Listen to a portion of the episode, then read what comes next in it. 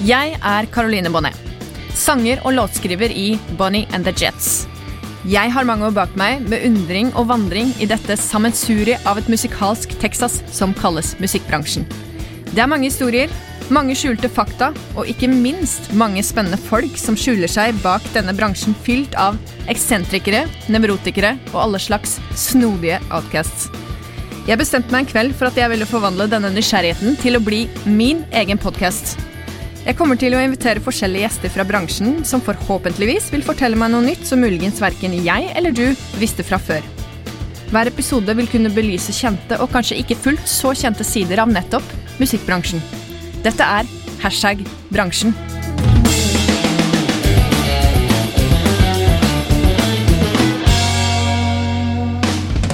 Flere gangers Spellemannsnominerte Marte Wulf er låtskriver og soloartist. Hun har gitt ut mange soloalbum, opptrådt på show som Lindmo, Beat for beat, Lydverket, og musikken hennes har vært mye brukt i forskjellige film- og TV-serier. Hun er også medlem av bandet The Love Connection, hvor blant andre Tom Hell er med. Hun har varmet opp for eh, Katie Melua og Kim Larsen. Og jeg kunne fortsatt denne oppramsinga, men, men øh, nå har jeg lyst til å fortelle litt om noe av det som gjør Marte Wulf til en litt annerledes artist enn en del andre. Hun har nemlig et brennende engasjement i klimasaken, og har en sterk og tydelig stemme i øh, denne debatten. Klima og bærekraftighet er naturlig nok tema i dagens episode, og jeg gleder meg til å dykke inn i disse refleksjonene litt etter hvert, Marte. Velkommen til Hashtag bransjen. Tusen hjertelig takk, Karoline.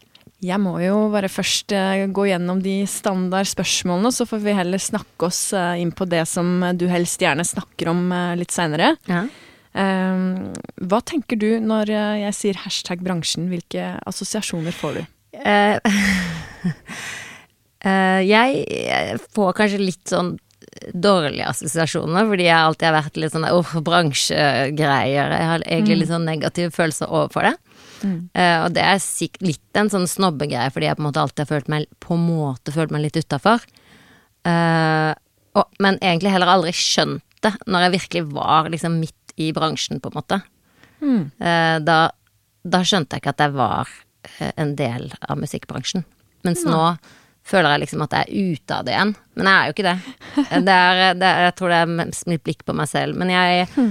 jeg forbinder det akkurat det ordet forbinder jeg nok med litt sånn derre eh, Få lov å komme inn et sted, ha et bestemt pass, og så er det liksom sånne viktige folk i gåseøyne som du skal Man må gå rundt og prøve å bli sett av, eller et eller annet sånt. Jeg, har litt mm. sånn, ja. Og det er ikke en situasjon som jeg har vært så glad i opp igjennom, da. Ja. Bra svar. Mm, ok, men den er jo selvfølgelig også fryktelig mye annet. Mm, absolutt. ja. Men har du noe spesielt minne da fra din inntreden i musikkbransjen, når du starta opp og som du sier, du, du, følte ikke på et tidspunkt at du var en del av bransjen når du kanskje var det som mest? Altså, mm. Kan du ja. fortelle litt mer om det? Ja, jeg starta jo opp um, med Sonett, som er liksom en underlabel hos Universal Music. Ja. Um, med manager og alt mulig. Og min første plate uh, i 2006, den solgte noe sånn 5000 eksemplarer ja. uh, på CD. Og det var liksom sånn litt skuffende, var liksom det inntrykket jeg fikk da, den gangen. Og nå hadde jo det vært helt avsindig, på en måte. Ja, tenk på det. Selge fysisk 5000 Ja, det, avsindig hadde det ikke vært der. For meg har det vært Det hadde vært mye. Meg, ja, det hadde vært mye. Nå er det sånn Kan vi selge de 200 vinylene?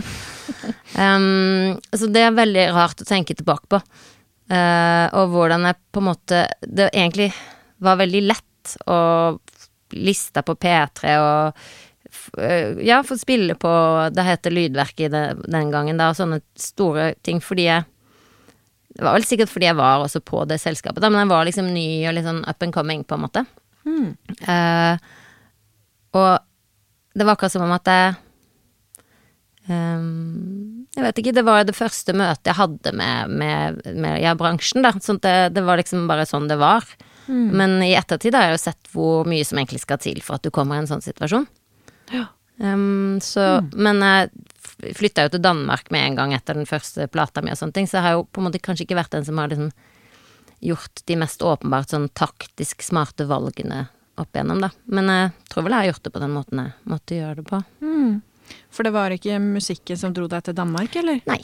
Nei. Det var eh, Hva heter det? Kjærligheten. Det var den store kjærligheten. så var det vel litt sånn eventyrlyst, og at jeg var litt Ja, fordi det var jo Da hadde jeg hatt liksom et første år som artist, og, og Eller første par år, da. Spilt mye, og egentlig øh, Hadde jeg kanskje egentlig ikke så bra. Kanskje jeg ikke likte det så veldig godt, da.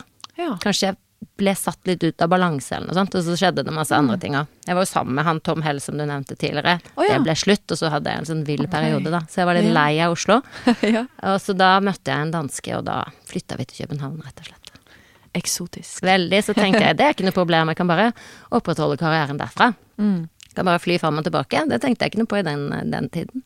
Um, men, men det ble jo ikke helt sånn, da. Pluss at jeg begynte jo å synge på norsk mens jeg bodde i Danmark. Okay. Så det var liksom slutt på den engelske teksten i tillegg, så det var mange ting som var litt sånn nettopp. rart. Men hvor gammel var du når du ble signa med dette underlabelet til Universal og ga ut din første plate? Ja, skal vi se. Jeg husker at før jeg hadde gitt ut noe, før jeg hadde tørt egentlig spille noe for noen, så kom Lene Marlin ut, og da var hun Hun var vel sånn 18. Ja. Og da tenkte jeg sånn åh, hun er liksom yngre enn meg. Da er jeg, nå er jeg liksom gammel i forhold til henne, så nå kom, følte jeg at jeg debuterte veldig sent. Men jeg tror jeg var 25. 5-26. Ja. Det er jo ikke så veldig sent. Det er jo ikke det. eh, det fins jo helt klart folk som er yngre. Alt er relativt Alt i den relativt. bransjen her. Ja. ja. Men uh, du spilte jo da veldig mye rundt, som du fortalte, og solgte masse CD-er. Og har du noe spesielt minne fra veien? Altså hvor du tenkte at oi, dette her kunne vel aldri skjedd noe annet sted enn i musikkbransjen? En sånn bisarr eller merkelig morsom historie som du tenker tilbake på? Eh, jeg vet ikke om det har Jo, det er sikkert noe mange i musikkbransjen har opplevd, i hvert fall. Det er det første som slår meg når du sier det. Ja.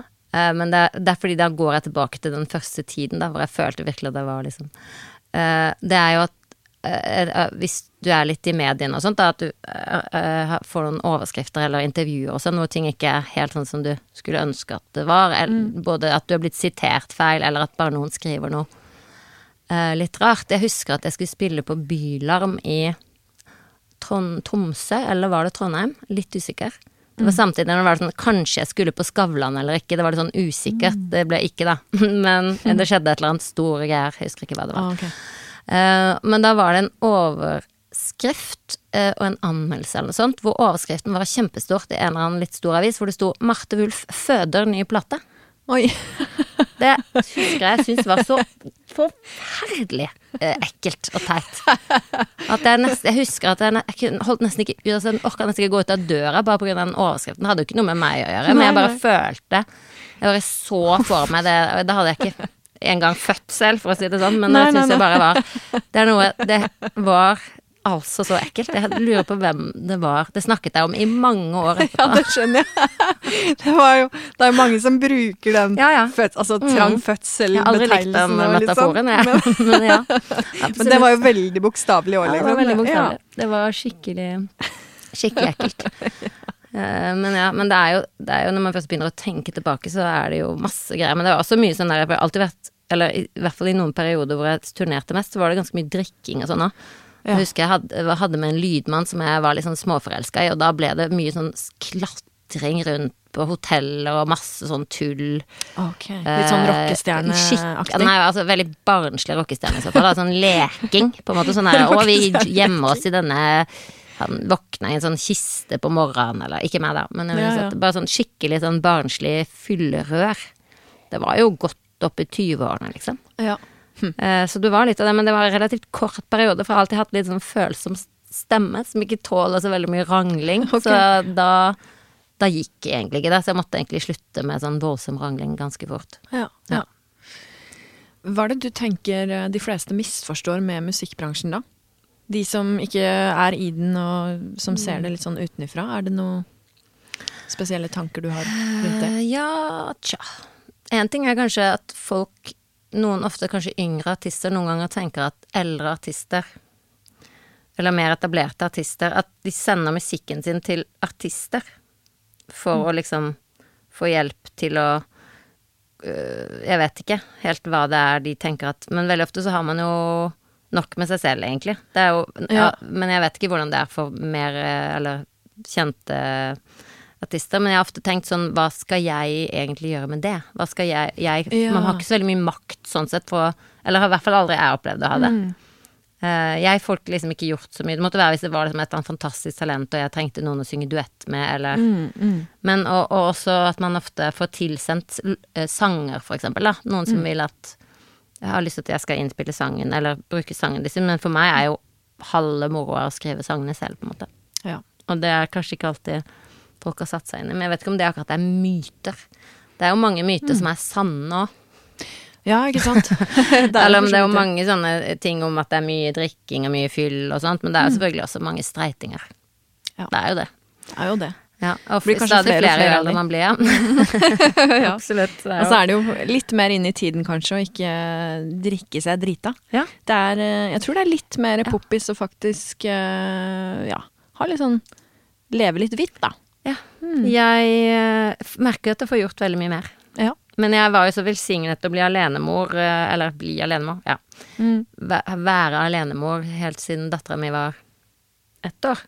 Ah. Så jeg har blitt vært Eller pappaen bodde da i Ja, for det det gikk jo ikke Det gikk jo ikke i lengden, det greiene der, da. Ja. Han har bodd i, Göte i Göteborg, Ah, ja, og da har jeg vært eh, liksom hovedforsørger, så jeg har vært veldig mye hjemme på kveldene. Og vært veldig streit, og da har jeg fått gjort eh, utrolig mye, rett og slett. Så det, Det er- er jeg takknemlig for. Ikke dumt, det, altså. Nei. Men nå har jeg litt lyst til å begynne å ja, Mm. gå litt inn på det du nevnte for meg også, du helst gjerne snakker mest om. Mm. Og det er jo ditt drivende engasjement for klima- og miljødebatten. Mm. Eh, Eller klimasaken er vel kanskje litt bedre å si. Fordi du er jo en veldig engasjert sjel, i tillegg til å da drive aktivt fortsatt som artist og musiker, så har du, som jeg har forstått det, start, vært med å starte opp, eller startet opp Spillerommet, som, hvis jeg har forstått det riktig, er en møteplass eller et forum eh, som eh, vi som mennesker og bransje kan snakke sammen hvordan vi kan forholde oss til klima- og miljøkrisen som vi befinner oss i.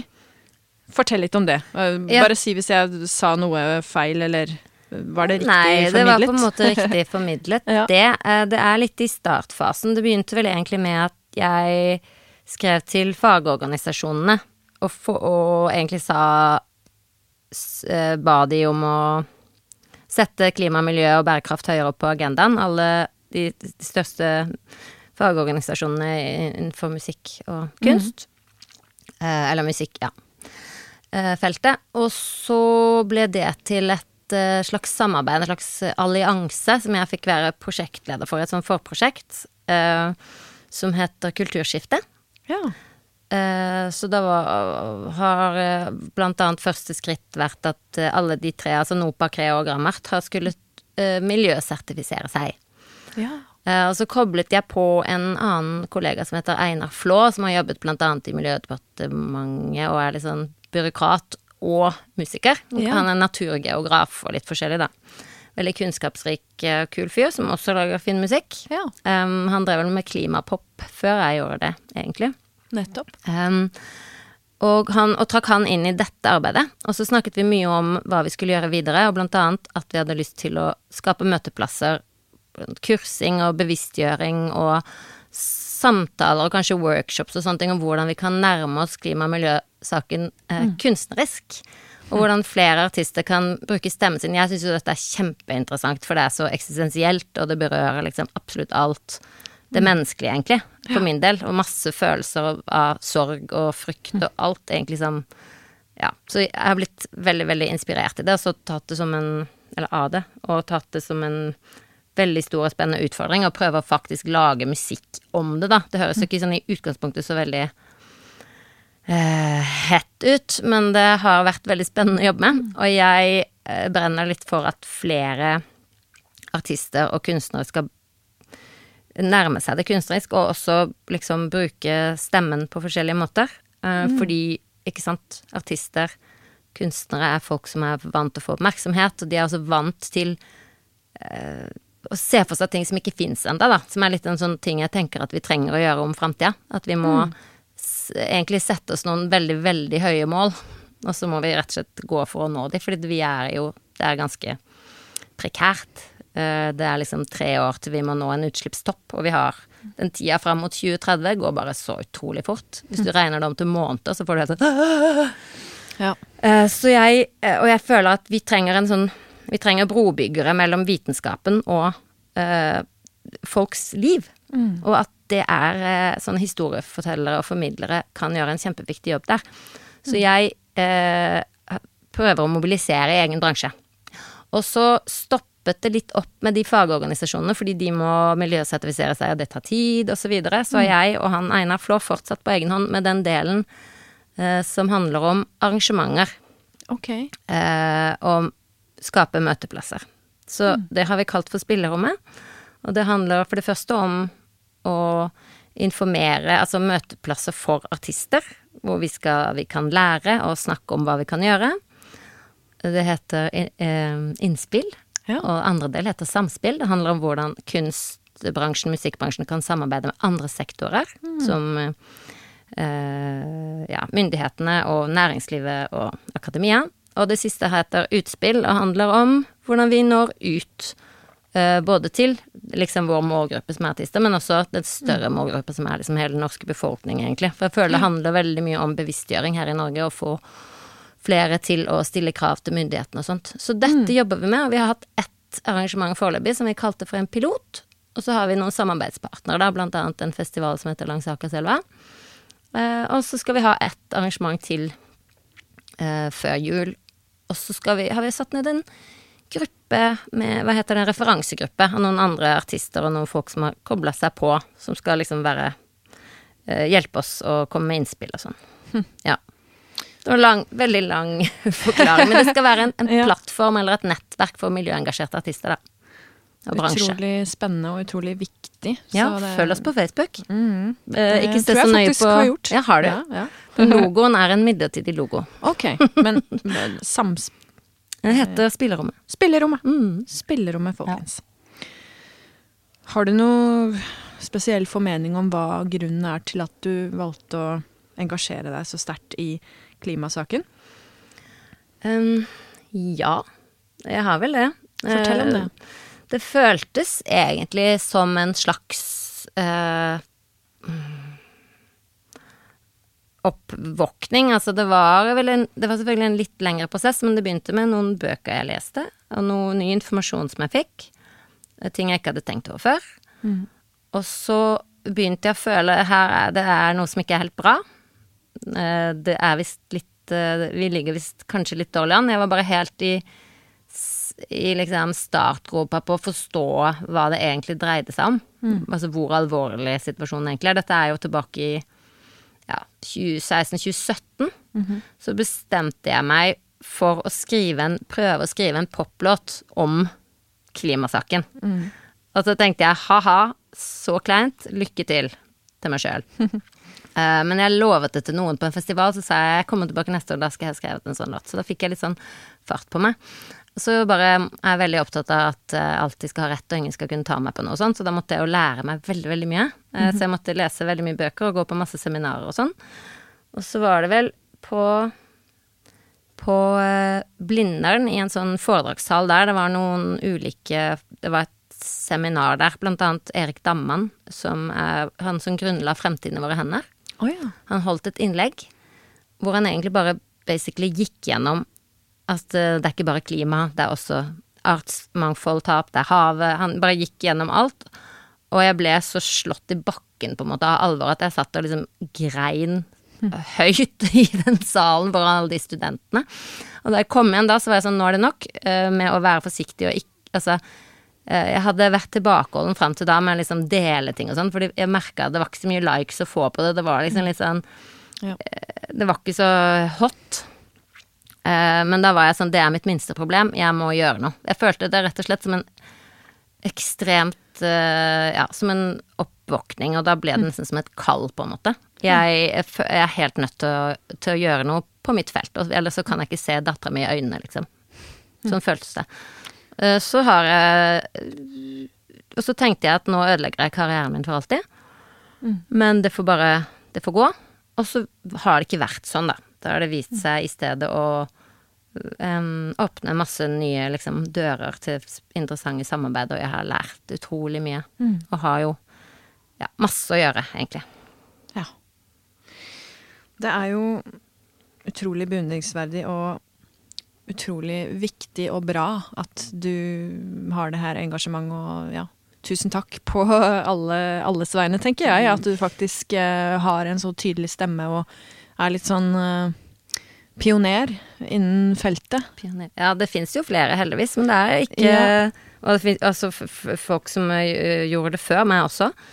Men samtidig så har ikke jeg har ikke fått med meg at det var det de snakket Eller at de, de For eksempel Susanne Sundfør ga ut en skikkelig klimaplate ganske tidlig. Okay. Jeg visste ikke at det var en klimaplate, for det Nei, kan jeg sant. liksom ikke høre på tekstene. Nei. Nei. Nei. Men det, husk, det var også et stort poeng for min del da jeg først laget den låta, at den skulle være helt direkte. Det skulle ikke være noen tvil om at det var det jeg ville snakke om. Hva het den, da? Det var den som het Verden er stor, den kom i 2018. Ja. Og den kom faktisk samme dag, dette var tilfeldig, som den første rapporten om 1,5-gradersmålet. Hvor verden på en måte fikk en sånn vekker. Eh, Det var helt tilfeldig at det kom samme dagen. Um, ja. Eh, Så det var det plutselig veldig momentum der. Men så har jo ting, også, også denne saken dessverre kommet litt på pause, da. Som om, eh, som om klimaendringene liksom stanser ja. av den grunn. For det er jo komplekst og krevende, og, men samtidig veldig enkelt. uh, og jeg eh, burde jo lest meg mye mer opp på klimasaken og har veldig masse å lære der. Eh, men det jeg sånn sett vet med sikkerhet, er jo at det er ganske deprimerende utsikter sånn med tanke på hvordan vi driver på denne jorda vår. Og med tanke på neste generasjoner. Og vår egen generasjon. Og vi skal jo bli gamle Ja. i denne verden, Ja. på en måte. Hva tenker du er det viktigste vi som artister og musikere kan gjøre for å fremme fokuset på klimasaken, og også litt sånn praktisk hva, hva kan vi gjøre sånn i hverdagen for å bli bedre klimaborgere, da? Mm. Eh, Det er jo liksom eh, Det er litt sånn tosidig, fordi på den ene siden så er det de store strukturelle endringene som, som skal til, ikke sant. Som på en måte må komme ovenfra. Med, med de riktige subsidiene, at du, sant? du støtter de gode initiativene, og du lar være med å støtte, eller boikotter de veldig skadelige initiativene, for eksempel. Incitamenter til å liksom leve, handle bærekraftig, disse tingene her. Eh, Avvikle oljeindustrien, selvfølgelig. Eh, sånne ting. Altså sånne, sånne ting som er sånn Ideelt sett så skulle ting kunne gått veldig langsomt, sånn at vi hadde tid til å tilpasse oss rolig og stille, men da måtte vi på en måte begynt for 30 år siden. Ja. Ja, så, og, dette, og derfor så må det på en måte komme til en viss grad ovenifra, endringene, ikke sant? Men, men det politiske systemet er så um, kortsiktig på en eller annen måte. Sånn at du får ikke de store endringene hvis du ikke får et press nedenifra. Fra mennesker. Så det må liksom bygges nedenfra opp. Så vi trenger begge Aktivisme. deler. Ja, du trenger flere aktivister. Og vi trenger at Det er mye, mye mer Altså, jeg holdt på å si stuerent, men altså eh, Det er rett og slett nødt til å bli helt utrolig mye mer vanlig å drive på med det som jeg driver på med. For vi, det må være eh, Det må komme fra alle vinkler, og alle må på en måte se en krysse over fra å gå fra å være en som ser på og sier ja, kjempebra at dere engasjerer dere, til å faktisk se på seg sjøl som en som også er engasjert. Fordi, ehm, fordi ellers så blir det bare Og så må man, så er det, så må man lære seg eh, Altså man må øke bevisstheten og kunnskapen eh, hos eh, folk som har lyst til å bruke stemmen sin. Fordi at det, jeg tror det er noe med særlig for kunstnere, alle vet det, ehm, at eh, det vi lager blir best når det kommer innenfra, ikke sant. Du kan mm. ikke fake det heller, fordi da føler du deg dum. Jeg tror veldig mange tør, altså er redd for å bruke stemmen sin og snakke om dette fordi de for eksempel eh, ikke er perfekte. Det er det ingen som er. Jeg, eh, altså, det, er ingen, det går ikke an å leve i Norge og ha null utslipp eller ha noe i nærheten av det budsjettet alle egentlig skulle hatt. Eh, og, det går, og, og hvis man ikke har alle svarene, så føler man heller at jeg kan, ikke, jeg kan ikke jobbe med dette, jeg kan ikke bruke stemmen sin. Men det stemmer bare ikke. For det er ingen i Norge som har perfekt vandel i det hele tatt, og vi kan kun prøve. Og, og fordi om vi sitter i en bransje som automatisk nødvendigvis har en del utslipp, eh, så er vi ikke alene om det. Hvis, det. hvis, ingen, hvis alle de som var en del av problemet, ikke kunne snakke om det og engasjere seg, så er det, er det ingen. Nei. Eh, så, så vi må på en måte jeg vil bare virkelig oppfordre flere altså Jeg er ikke interessert i å beholde denne nisjen eh, av liksom musikk nei, nei, nei. innenfor klima og miljø. Jeg tenker at vi trenger flere, for jo flere vi er, jo bedre vil det bli. Mm. Og så vil det være Altså, man, man, dikter jo og skriver og lager kunst om den tiden man lever i. Mm. Eller i hvert fall er det sånn det historisk sett har vært, da.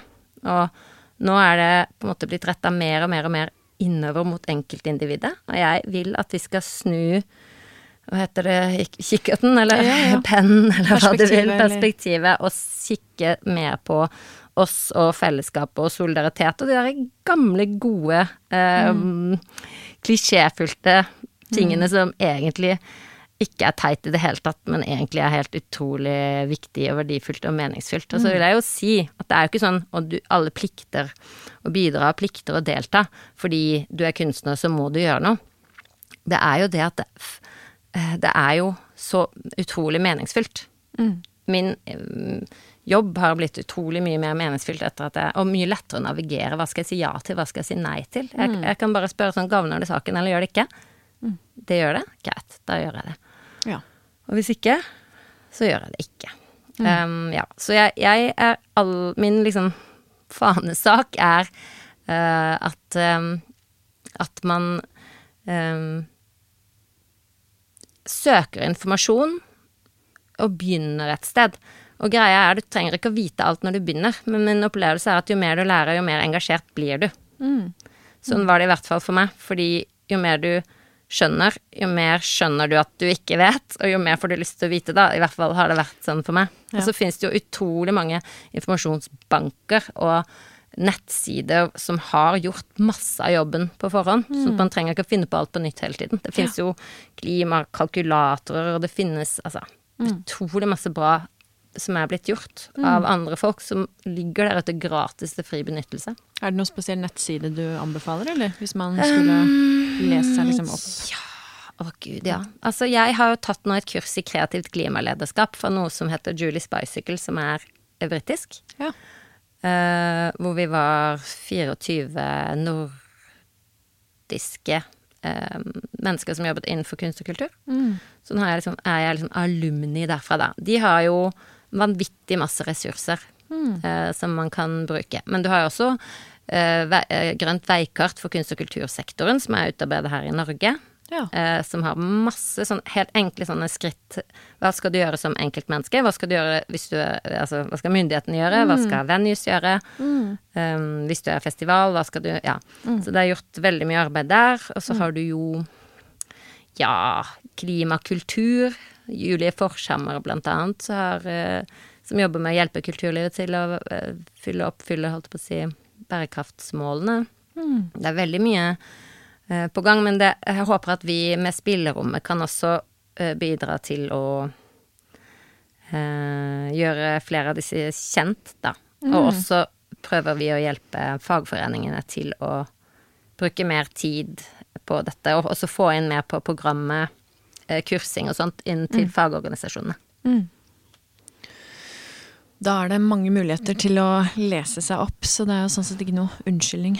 Nei, så skal man bare følge mitt nyhetsbrev. Jeg ja. er, har begynt Du vet, sosiale medier er sånn uh, lunefullt, og de uh, er veldig De finner hele tida på nye regler, så du kan mm. liksom ikke stole på at Ja, så nå har jeg startet et, et nyhetsbrev, og det bruker jeg ja, det samme, de tingene jeg sitter og snakker om her, da, men jeg er jo fokusert rundt musikk Oppmerksomhetsbloggen? Ja, det, det er også noe. Ja, det er, bloggen. det er noe annet? ja, det er faktisk okay. noe annet. Ja. Det, er, det, er, en blogg. Ja, ja skjønner. Nei, for den har jeg, la jeg merke til. Uh, mm. Ja, men det handler jo om det samme. Jo, altså, den eneste måten man kan holde på med så mange forskjellige ting, er jo fordi at det har en fellesnevner. Mm. Alt handler på en måte om det samme. Og det er jo det er jo ikke noe sånn at jeg skal være så veldig flink, at det skal være så veldig beundringsverdig, men jeg må jo si at det er rett og slett dette som interesserer meg nå, fordi det er akkurat mm. som alt Det er liksom Hvis hvis vi ikke eh, Jeg vet ikke hva annet som ville være mer verdifullt å bruke tiden på, på en måte, fordi alt faller Hvis vi ikke løser det, disse problemene, så forverrer det alle andre problemer i verden, på en måte. Ja. Og, og, og samfunnet blir veldig, veldig ustabilt. Og er det noe som Ja, det kan du jo si pandemien har lært oss, at det, er, det første som ryker, er jo veldig ofte kulturen. Ja. Eh, Det er ikke eh, kulturlivet som har førsteprioritet, men kulturlivet er vanvittig viktig for, et, altså for demokratiet, ikke sant? For å møteplasser hvor ulike Mm. Ja, ja. folk kommer sammen. Eh, og i det hele tatt det med det med å nå inn til folks følelser Mm. og forståelse og medfølelse. Det er vanvittig mange verktøy som eh, kunst og kultur har, som samfunnet trenger, da. Absolutt. Det er jo et slags speil på eh, Absolutt. hvordan samfunnet er. Ja, og lytting og samarbeid og masse sånne ting da, som er liksom helt essensielt for samfunnet, og veldig, veldig trist og ergerlig at det veldig ofte blir nedprioritert. Og det tror jeg kanskje at det er mange som ikke setter helt i sammenheng. Mange artister tenker sånn Kan ikke vi bare få Vi skader jo ingen, kan ikke vi bare få holde på med vårt?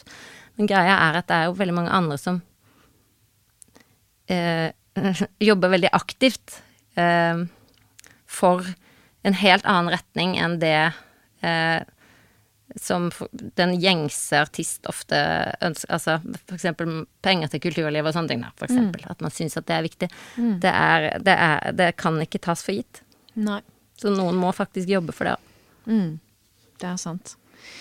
Jeg tenker jo at det er ekstremt viktig, ja, rett og slett livsviktig egentlig, at klimasaken er noe som kommer tydeligere i bevisstheten til oss musikere og artister. øh, Men samtidig, når jeg skulle forberede meg til samtalen vår, Marte, så tenkte jeg også på at det jo er en del, og ganske mange, følsomme kunstnersjeler i den bransjen vi er i, og som kanskje sliter med sitt indre klima. Og som eh, skriver seg ut av kriser og depresjoner. Er det da rettferdig at man skal pålegge noen et klimafokus, når man kanskje er eh, dunket til sitt eget dårlige klima fra før? Tenker du at artister og kunstnere er mer utsatt for psykisk uh, Ja, Virkelig? jeg tenker jo det, egentlig. Men det alle de andre som har psykiske problemer, har jo ikke engang det utløpet at de kan skrive om det. Nei da, det er jo et poeng. Men, Altså, eh, jeg eh, mener ikke Jeg ser ikke på det som å pålegge noen noe som helst. Jeg ser på det som en mulighet til å bidra på en meningsfull måte i samfunnet, en måte, som vi jo allerede sikkert syns er viktig, da. Og, og så er det jo også mange Men hvis du skal tenke på det på denne måten, så er det jo noe med som jeg føler på. Jeg har fått mye støttepenger opp igjennom, eksempel. Jeg føler at eh, det føles veldig fint. Både det med at støttepenger jo alltid går tilbake inn i bransjen fordi du betaler folk. Det er vel som oftest ikke meg som sitter igjen med de pengene, men jeg kan betale folk for å lage ting for meg, da. ja. Eh, men for meg føles det eh, først og fremst veldig, veldig meningsfylt mm. å, å holde på med det, og det er veldig, veldig inspirerende. Men jeg ser ikke på det som å pålegge noen noe. Eh, det gjør jeg ikke. Men når det er sagt, så eh, var det jo en utrolig dep en depresjon, rett og slett. Eh, nesten en slags depresjon, eller i hvert fall en veldig, veldig stor sorg, eh, som gjorde at jeg engasjerte meg i dette i utgangspunktet. Det var den sorgen eh, Det var flere ting samtidig, men det var denne erkjennelsen over hvordan det var fatt. Altså det man kan kalle for økosorg, da. Hvor alt som er i ferd med å gå tapt, Ja. og alt det som allerede har gått tapt, og hvordan at jeg må på en måte erkjenne at det, den verden jeg har vokst opp i, og den verden min datter kommer til å vokse opp i og bli voksen i, er veldig, veldig annerledes, og kommer til å bli veldig mye vanskeligere. Eh, og da um, var jo det min måte å bearbeide det på, var jo å gripe tak i det, og ikke skygge unna, og gå ut av min egen navle, og holdt jeg på å si, gå inn i eh, Ja. verdens navle. ja, jeg tenker Nei, at men eh, eh, ja, at det er veldig er meningsfylt. Så jeg vil, jeg vil jo tro egentlig at eh, sånne psykiske vanskeligheter og sånn veldig ofte kommer jo av selvfølgelig traumer og den slags, men eh, er det noe alle mennesker på en måte søker etter, og det som gjør folk lykkelige, da, det er det forska veldig mye på, er jo å inngå i meningsfylte fellesskaper og å bidra. Og da vil, jeg, da vil jeg tro at dette i virkeligheten kan være en hjelp å engasjere seg i en sak. Det høres veldig fornuftig ut, og ja, at det rett og slett kan bli en slags redning på sett og vis, da, hvis, eh, hvis det er eh, sånn at man da sliter med psyken, og at man kan finne noe som eh, er større enn en sjøl, på sett og vis. At, man, at det kan gi en mening i tilværelsen, da. Det, Ja. det er jo Fins jo ikke noe bedre enn det, Det gjør ikke det. Det er, eller, altså, det er jo skapt veldig mye fin musikk, kunst og bøker ut av en person, personlig, liksom, lidelse. Men det er jo veldig ofte Jeg tror ikke at den kunstneren nødvendigvis hadde laget noe dårligere kunst om den f.eks. ikke hadde vært alkoholisert og hatt eh, masse Altså, det er Nei. Eh, Det er um, Ja, det, er, det ligger en muligheter her, da. Man, man, behøver å, ja, man behøver ikke å se det som en plikt, Nei. men som en mulighet og en sjanse. Ja. Det er jeg helt enig med deg i. Og det er jo sånn man absolutt bør se på klimasaken. At det er eh, Man må jo se på det som mulighet til forbedring. For man kan jo ikke grave seg ned og bare tenke at ja, nei, alt er ødelagt, og altså Da blir jo alt feil. Selv om det er mye som er ødelagt og det er gått alt altfor langt, så må man jo se mulighetene og måten Altså hva kan vi endre, hvilke endringer kan vi gjøre for å få et mer bærekraftig eh, samfunn og ta vare på jorda, da. Mm. Jeg vil si jeg tenker, og det er heller ikke noe spesielt, spesielt for oss kunstnere, mer bare det at vi har en, en særegen mulighet, fordi vi, vi når inn til følelsene, og vi, vi er vant til å, til å tenke annerledes, da. Ja. Eh, Men jeg vil også si at det er jo ikke noen bransjer som ikke blir nødt til å omstille seg, på en måte. Så det handler Nei. jo ikke om egentlig skal vi omstille oss. Nei. Det handler om skal vi gå foran og forsøke å få med oss noen av våre kunstneriske verdier og noen av de prinsippene vi syns er viktige i denne omstillingen, eller skal vi vente så lenge at det blir trøkka ned over huet på oss, og Ja. våre verdier ikke blir tatt hensyn til lenger, da. Ja. Det er noe med det å ta litt grep og så tørre å gå foran. Det er fortsatt faktisk mulighet til å være en av de bransjene som går foran, og som kan påvirke veldig, veldig mange. Vi når millioner av mennesker, liksom. Absolutt. Nei, det er veldig sant. Men eh, det er sikkert et veldig flåsete og dumt spørsmål, men jeg spør likevel. Jeg, altså, når vi først er inne på klimadebatten, så tenker jeg jo da at veldig mange av oss i musikkbransjen er på turné, og vi reiser rundt, og vi spiller musikk. Og så er det sånn, hva er det man Altså, burde man strengt tatt, ideelt sett, hatt en elbuss, da, og reist rundt med? Eller altså, hva, hva er på en måte det mest bærekraftige? Burde man turnere på tog, eller altså hva Ja, her vil jeg si to ting. Mm. Eh, eller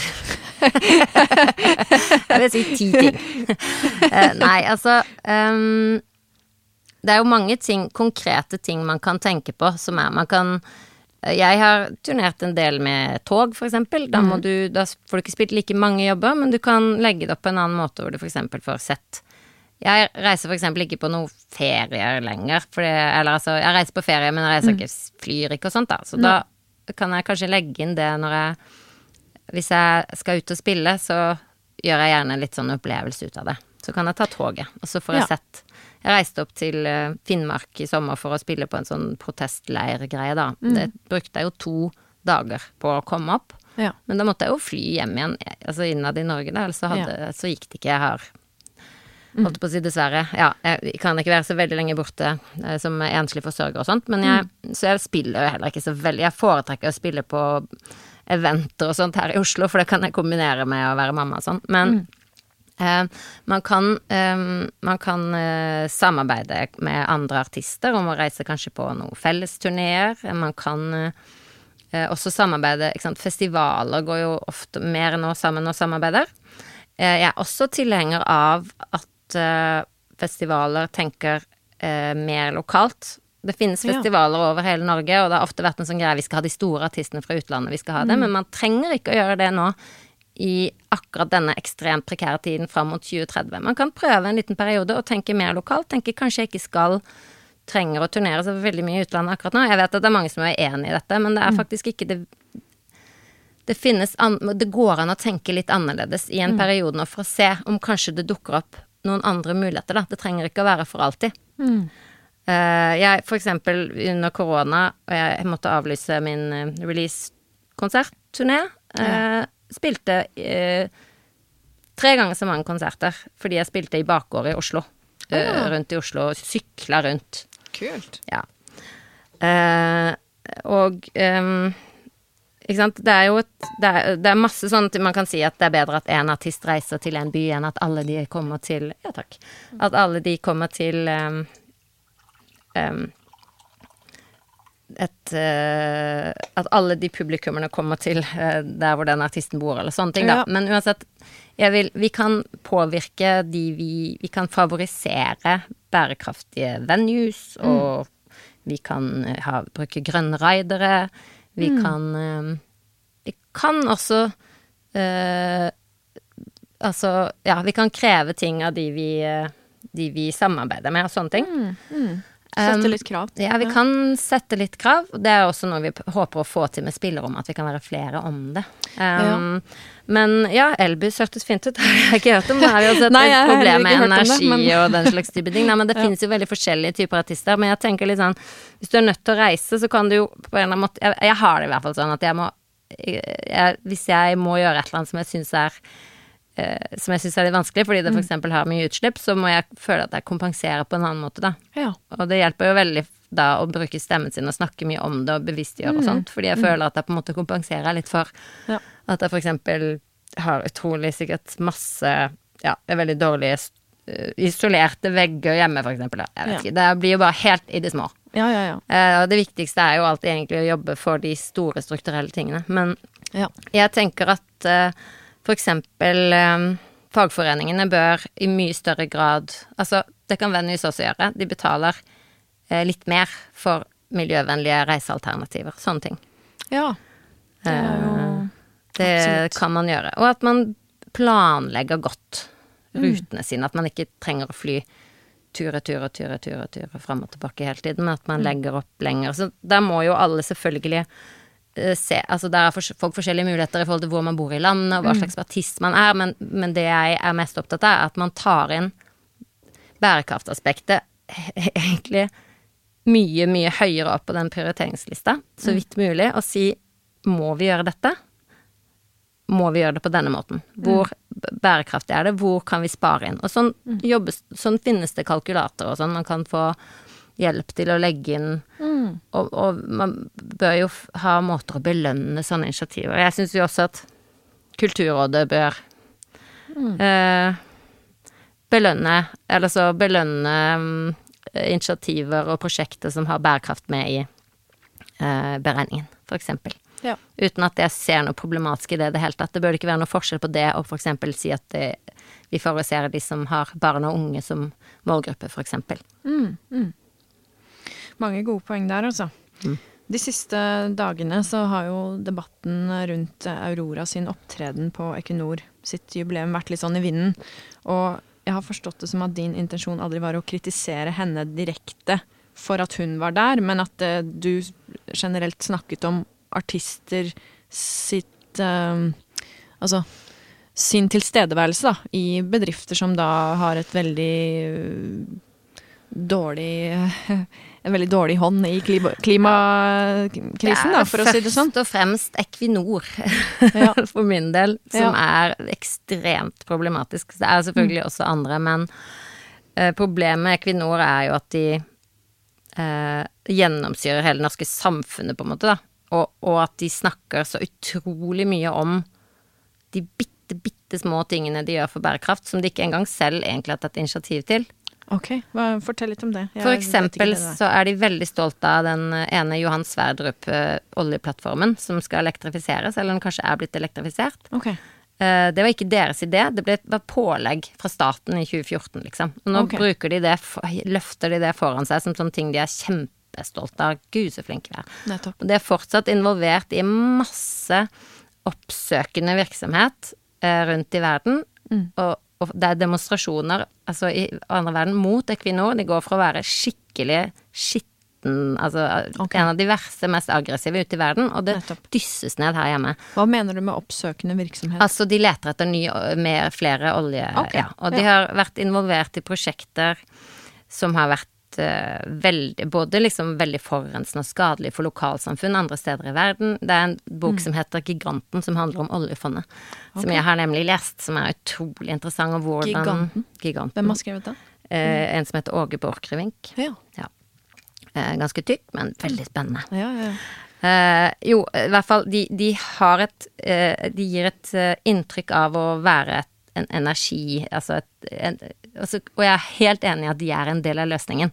Men som det står seg nå, så er det en fantasi eh, og en, egentlig en løgnhistorie at vi må ha oljen, fordi det er ikke Det går ikke. Det går ikke opp. Vi kan ikke Det er på en måte Det er sånn utrolig sånn to tunger i norsk politikk at det er eh, et kjempestort problem. Og da, altså Først så var jeg sånn Jeg vil ikke kritisere noen for å stille opp der. Det kan være Nei. vanskelig å vite hva som er hva, og så Ja. videre. Men jeg måtte innrømme, etter å ha tenkt meg litt om, at Mm. egentlig så har jeg bare ikke jeg lyst til å sitte og være dommer, for jeg vet hvor fort sånne ting kan snu, og plutselig har du gjort noe feil, og så, Ja, ja. og så er det ikke det som er poenget, ikke sant. Mm. Poenget er Equinor, er de vi skal stille spørsmålstegn ved. Ja. Eh, hvor, hvordan deres forhold er til den norske stat. Ikke om en artist Mm. Ja. stiller opp her eller der. Men når det er sagt, Mm. så var det veldig klart og tydelig i denne saken at hvis du stiller opp der, og er med på det som de da liksom kaller en folkefest, mm -hmm. um, så er du også med på å legitimere det de driver med. ja. Så jeg måtte ta, gjøre et oppgjør med meg sjøl. Jeg vil gjerne at de skal like meg. Jeg har ikke lyst til å sitte og peke på folk, og jeg er ikke, noe, jeg er ikke perfekt sjøl i det hele tatt. Men akkurat det der um, syns jeg var rart. ja. Og det ville jeg ikke ha gjort. Nei. Nei. Eh, fordi det sender et signal om at det er greit. Mm. Så vet ikke jeg hva som foregår, hva de som eventuelt har spilt der, tenker om det. Kanskje de har en helt annen måte å tenke på enn meg. Eller kanskje de er enige, kanskje ikke syns at det er noe galt med det Equinor gjør. Eller kanskje det handler om at ikke de vet det. Det vet jo ikke jeg, så da blir det veldig teit å sitte og hakke på andre folk. Ja. Men jeg syns at vi som bransje skal gå mye tydeligere ut og si at vi ikke har lyst til å være med på sånn type Å være en del av en sånn legitimeringsprosjekt da, som jeg tror at de bruker helt bevisst. Ja. Hva er det du tenker er hovedgrunnen til at eh, olje er eh, altså fortiden, med tanke på klimakrisen? Eh, altså alt eh, Altså mener du Nei, altså jeg, jeg kan for lite om Ja, det her, så jeg nettopp. bare Ja, spør. jeg jeg. skjønner. Eh, altså, det er jo fossilt brennstoff. Ja. Eh, og olje og gass eh, vi har, Det er allerede, som dette er en veldig vanlig setning å si, men det er allerede mer eh, olje tatt opp eh, av jorda enn det vi kan slippe ut i atmosfæren. Ja. Eh, fordi vi er på et vippepunkt som vi nærmer oss veldig nå. Når det kommer et visst, en viss del karbon i atmosfæren, så blir eh, klimaet Det blir veldig, veldig ustabilt. For når, det trenger en bestemt balanse av gasser, Okay. og det er på, i ferd med å rykke helt ut av balanse. Og da ser vi, da smelter polene, det blir varmere, og det er en masse sånne eh, effekter som skjer som vi ikke har noe kontroll over, og det går mye fortere enn man hadde tenkt og sånn, så vi er nødt til å Vi kan ikke slippe. Vi har en, et budsjett igjen, da. Ja. Og nå er det, det er noe som heter sånn Earth Overshoot Day, som er sånn den dagen du har sluppet ut det, dette årets budsjett med karbon, Ja. eller brukt opp eh, dette årets budsjett av ressurser. ja. Eh, Og det er i Norge noe sånt som april-mai, og på verdensbasis august. Nettopp. Så det betyr at alt det vi slipper ut nå, det stjeler vi på en måte fra fremtiden, da. Så vi er klimaverstinger, vi da, nord vi nordmenn. Altså ja, fordi vi på vårt karbonbudsjett så regner vi ikke med alt den oljen av vår olje som brukes ute i verden. Nei. Vi har jo bare, Så det å elektrifisere en plattform er på en måte peanuts, da, Ja. i, i den store sammenhengen. Og det blir veldig sånn, særlig også fordi vi tjener forferdelig mye penger på det. Eh, som går utover andre mennesker andre steder i verden som lider mye, mye verre enn oss under klimaendringer. Som jo Ja. ikke er noe som ligger i framtiden, men som skjer nå. Se på liksom Bangladesh og India og Ja, altså de lider jo mye mer enn oss i utgangspunktet, ikke sant? Ikke sant. Så det blir jo bare det jo- det- Urettferdigheten ja. bare fordobler seg, eller? Det er veldig vanskelig. Jeg syns det er Jeg er jo redd for at liksom Norge skal Eller oi, unnskyld. Det, sånn er det vel allerede til en viss grad i mange land. At man ser på Norge med smalere og smalere øyne og mer og mer rynkete panne. Hva er det dere driver med, liksom? Fordi vi samtidig har Altså, det er ikke det at ikke vi har bidratt i verdenssammenheng og er gode på bistand og sånn, men i, til sammenligning i forhold til den De pengene vi tjener på, Ja. På all den skaden vi gjør med karbon som er, som kommer fra olje, eh, og ulike varianter av fossilt brennstoff som kommer fra dinosaurer i gamle dager, gamle, gamle dager, eh, så eh, er det ingen, ingenting. Det er veldig, veldig lite, og det er eh, litt sånn hyklersk. og jeg er redd for at vi skal bli veldig uglesett. Og jeg Mm. syns at det er kjipt å være Jeg er redd for at det skal bli kjipt å være norsk, eksempel når min Ja. eh, datter er voksen, da. Ja. Som jo egentlig er helt uskyldig i alt dette her. Og Mm, alle de andre barna barna sin som skyld, stakkars. Nei, og det er jo sånn sett heller ikke vår skyld, men, Nei, men vi har, kan i litt større grad gjøre noe med det, da. Ja. Ja. Men det er jo sånn paradoks å tenke på det her sosialdemokratiet, da, som er bygd på den uh, sorte, det sorte gullet. Mm. Så det er jo Og det er jo masse, vi har jo masse å takke for det, og det, og det har blitt forvalta veldig, veldig bra, men Mm. det har samtidig vært veldig mye ja, Det har vært mye snusk, Mm. fordi det har jo blitt I begynnelsen var det jo statseid, og så eh, er det jo nå mer aksjonærer, ikke sant, som Ja. skal tjene penger, og som man må ta hensyn til, og da blir det plutselig litt vanskeligere igjen å eh, ja, forsvare ulike ting, da. Men ja, så, men det vi burde gjort selvfølgelig for lenge siden, var jo å avvikle det. Uh, Istedenfor å eh, um, hindre eh, kunnskap om farene ved fossilt brennstoff i å komme ut i offentligheten, så burde man jo heller ha altså snarest lagt om. Hvis vi hadde begynt for 20 år siden å finne grønn eh, energi og grønn industri, så hadde vi jo ikke vært i den situasjonen nå. Og jeg er redd da for at vi kommer til å si akkurat det samme om ti år til. Ikke sant? Ja. Fordi man hele tiden tenker vi må fortsette med dette. Men tenk hvis du la alle de pengene og all den energien på å bruke og, og altså, Du må tenke på alle de folka som jobber i den bransjen nå. De skal jo ha jobber i framtiden, og det, det er ikke noe Det er ikke noe eh, Gjør ikke de noe tjeneste ved å utsette dette her? Nei. Men eh, tenker du at korrupsjon er en, eh, en av de verste fiendene i klimakrisen, som ved alle andre ting, for så vidt? At det er Ja mye som er kjøpt og betalt, og at det kanskje er mye av grunnen til at det er vanskelig å på en måte få denne klimabølgen til å fare i sted sånn ja. med fart, da.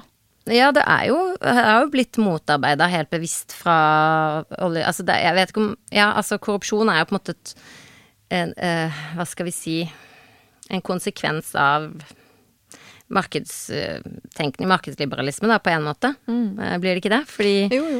Uh, og, og så lenge du kan faktisk, ikke sant, til og med i Norge helt lovlig kjøpe deg politisk makt. Mm. Det er jo, hva skal vi si, betenkelig. Ja.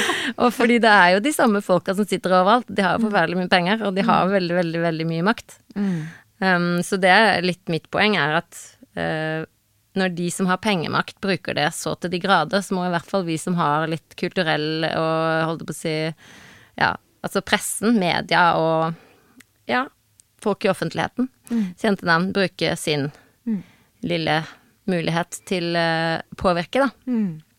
Fordi det er åpenbart Det er jo et veldig stort problem i utlandet, og det er jo Equinor vært innblanda i veldig mye sånne korrupsjonssaker, ganske drøye saker, som på en eller annen måte bare Så bare skifter de ut noen i ledelsen, og så blapp, sier noen unnskyld, og så blapp, blapp, blapp, og så får noen sparken, og så er det, så er det greit. Så kan de bare fortsette.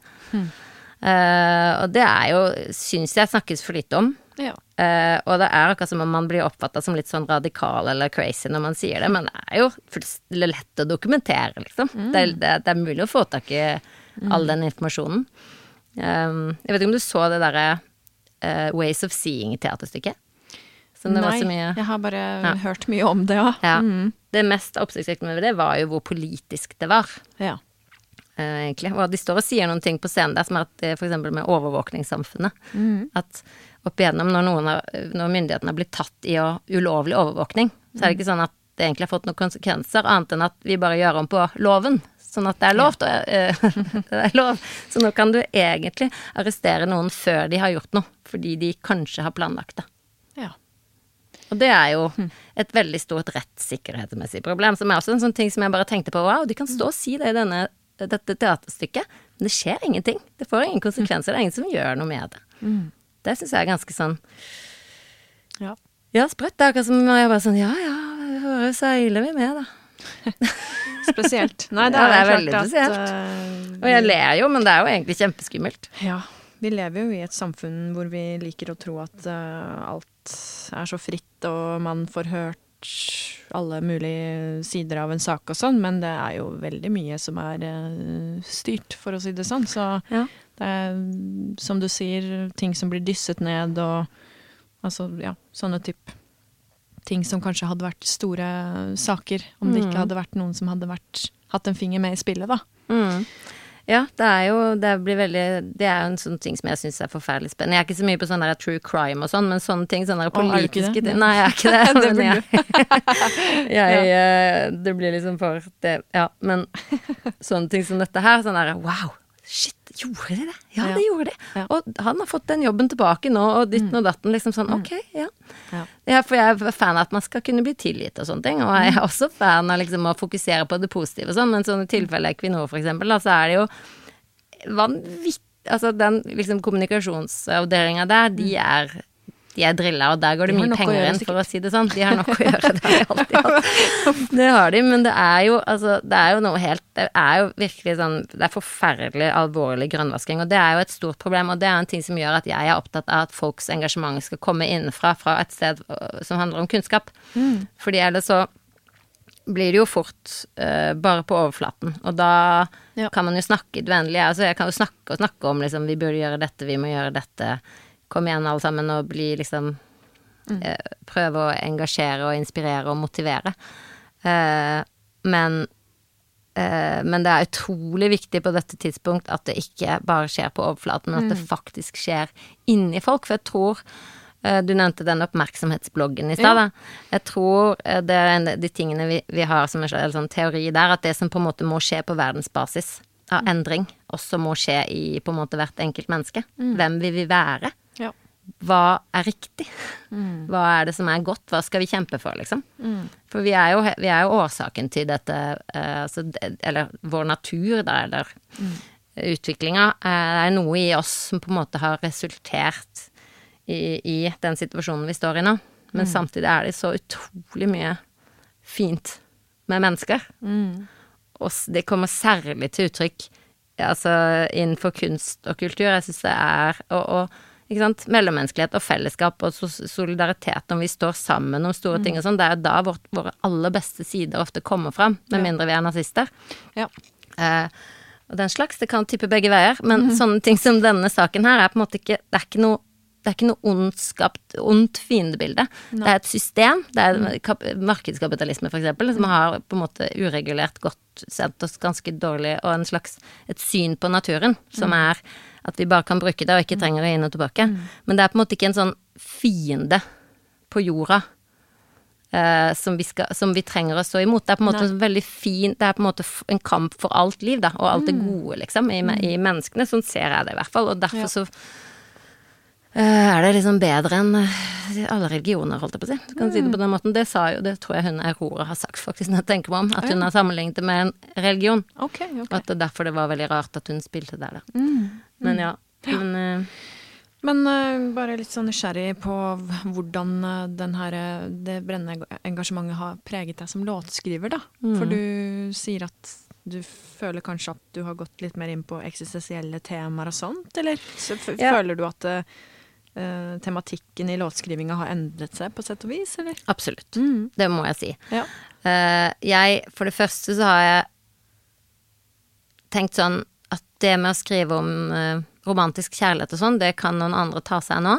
Det er det nok låter om også. Jeg, jeg eh, Altså, noen av mine største musikkopplevelser handler om sånne ting, så det er absolutt ikke en Det handler ikke om at det ikke har verdi. Neida. Men for meg så er det ikke interessant nok lenger, og det er heller ikke akkurat per nå eh, viktig nok for meg. Eller det, det er ikke det som inspirerer meg. Nå har jeg heller ikke kjæreste akkurat nå. Det er kanskje litt noe med det. Er heller ikke noe ulykkelig Nei da. Det er ikke nok Jeg har vært gjennom ganske mye kjipe greier og fortsatt å skrive om klima- og miljøsaken, men det er fordi det er det jeg føler mest om akkurat nå. Men jeg har laget Altså, det begynte jo med, som jeg sa i 2017, at jeg absolutt Jeg prøvde å proppe absolutt alt jeg hadde lært, inn i én sang, ikke sant?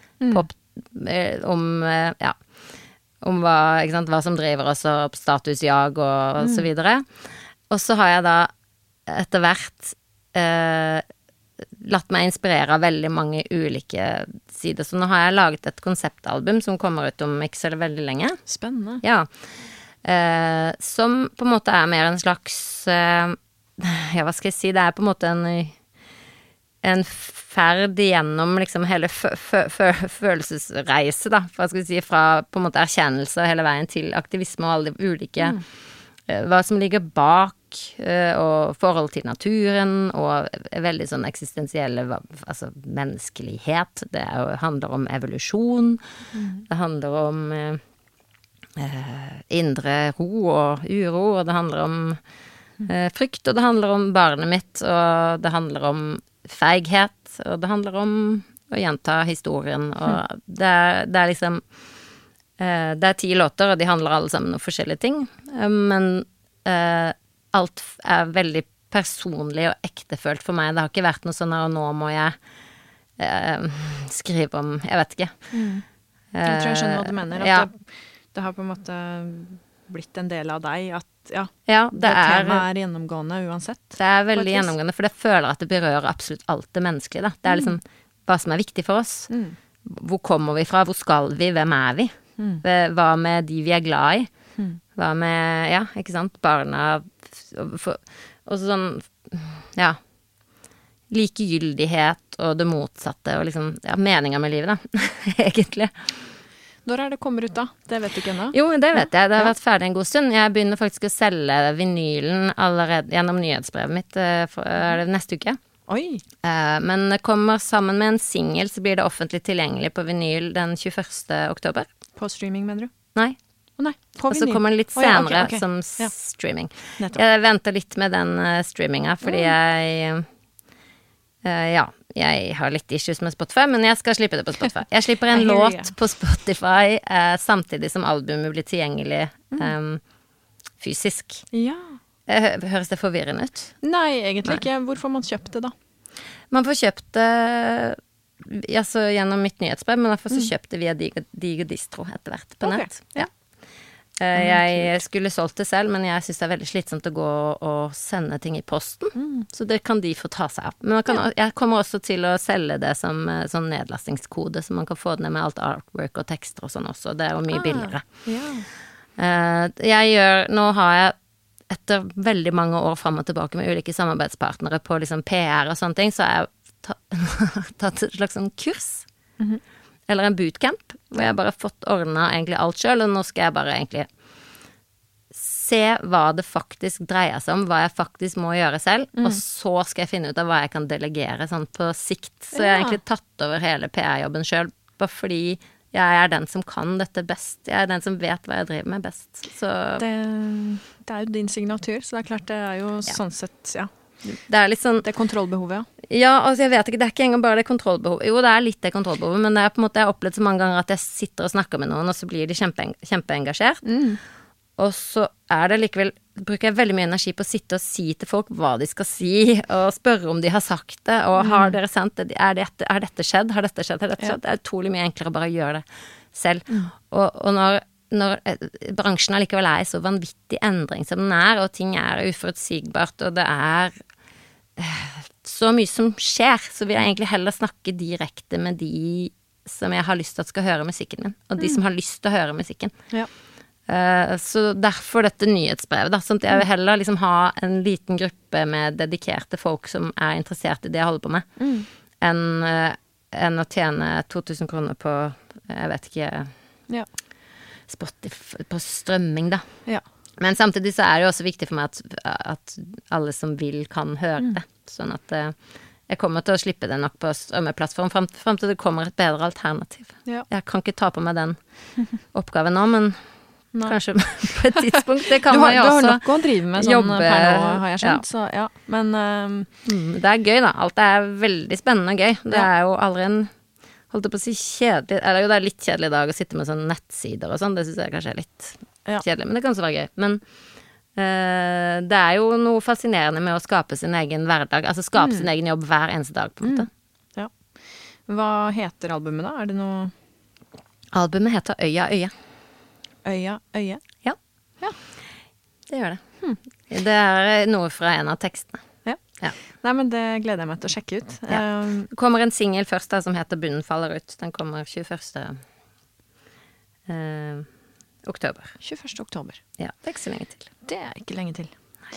Men tilbake til bransjen. Ja. Da eh, Er det noe råd du ville gitt deg selv eh, som eh, ung og lovende som skulle ut i den store, stygge musikkbransjen? Noe du ser tilbake at det burde jeg kanskje gjort annerledes, eller Mm. Jeg tror kan Altså, jeg vet ikke. Jeg er egentlig ikke så fan av å si sånn du burde og du burde. For det første, så hvis jeg kunne gitt meg sjøl de rådene, så hadde jeg sannsynligvis ikke hørt på de på det tidspunkt. uh, at jeg liksom For det er jo alltid råd å få, men du, mm. ja. Det er noe med å gjøre sin egen Prøve å feile. Og jeg tror ikke jeg kunne gjort noe av det jeg gjør nå, før, egentlig. Nei. Uh, Kanskje har jeg noen ganger tenkt at jeg har stukket litt kjepper i hjulene på meg selv. Jeg burde kanskje ha laget det med sånn folk-countryaktig plate på et tidspunkt, eller jeg burde ha fulgt den og den tråden, men Eller kanskje hvis jeg ville hatt mye større publikum, så burde jeg kanskje ikke begynt å synge på norsk på det tidspunktet jeg gjorde det, eller noen mm. sånne ting. Men samtidig så har alle de valgene jeg har tatt, fått meg hit som jeg er i dag. Mm. Og jeg kunne ikke tenke meg å være noe annet sted. Mm. Uh, og jeg kunne ha jeg kunne ha gjort mer selv tidligere, men jeg var ikke klar, jeg visste ikke nok. Det tok lang mm. tid før jeg skjønte at hei, jeg er jo en av de mest erfarne i dette rommet. Mm. Uh, jeg sitter og jobber med altså Det kan godt hende noen er flinkere på TikTok enn meg, men jeg har jo ja, eller alle i verden er flinkere på TikTok enn meg. Jeg har, aldri, har ikke TikTok, men jeg har hørt om TikTok, i det minste. Ja, ja, det, det er det. Uh, men, men jeg, det blir liksom Man blir etter hvert så Jeg er så tett knyttet at man er Jeg er jo ikke det jeg lager, men jeg er så tett knytta med min identitet og mitt verdisett og alt mulig til dette her greiene nå, at jeg må på en måte bare holde i det selv. Men mm. sånn var det jo ikke. Altså sånn Jeg vet ikke, hva kunne jeg, hva kunne jeg ha sagt? Jeg tror um, Jeg tror bare at uh, jeg ville egentlig ikke ha endra på noe. Selv om jeg ser at jeg kunne ha endra på masse. Mm, yeah. ja. Men det er et uh, Men jeg, kunne, svar, jeg ville gjerne gitt meg selv litt bedre selvtillit litt tidligere. Dryss med selvtillit. Ja. Det tror jeg de fleste sånn ja. uh, unge voksne ja, kunne trengt. Jeg tror det. Uh, ja. Altså hvile i at Eller at det liksom um, stole på at det, det, er greit å ta plass, og det er faktisk greit å si hei. Mm. Dette. Ja. ja. Det syns jeg var fine ord tusen takk for at du kom hit og snakka med meg om et så viktig tema som du engasjerer deg for. Det... Takk for at du inviterte. Takk for at du lager eh, podkast. Så gleder jeg meg til å høre på plata di, mm. og lykke til videre med det. Tusen takk.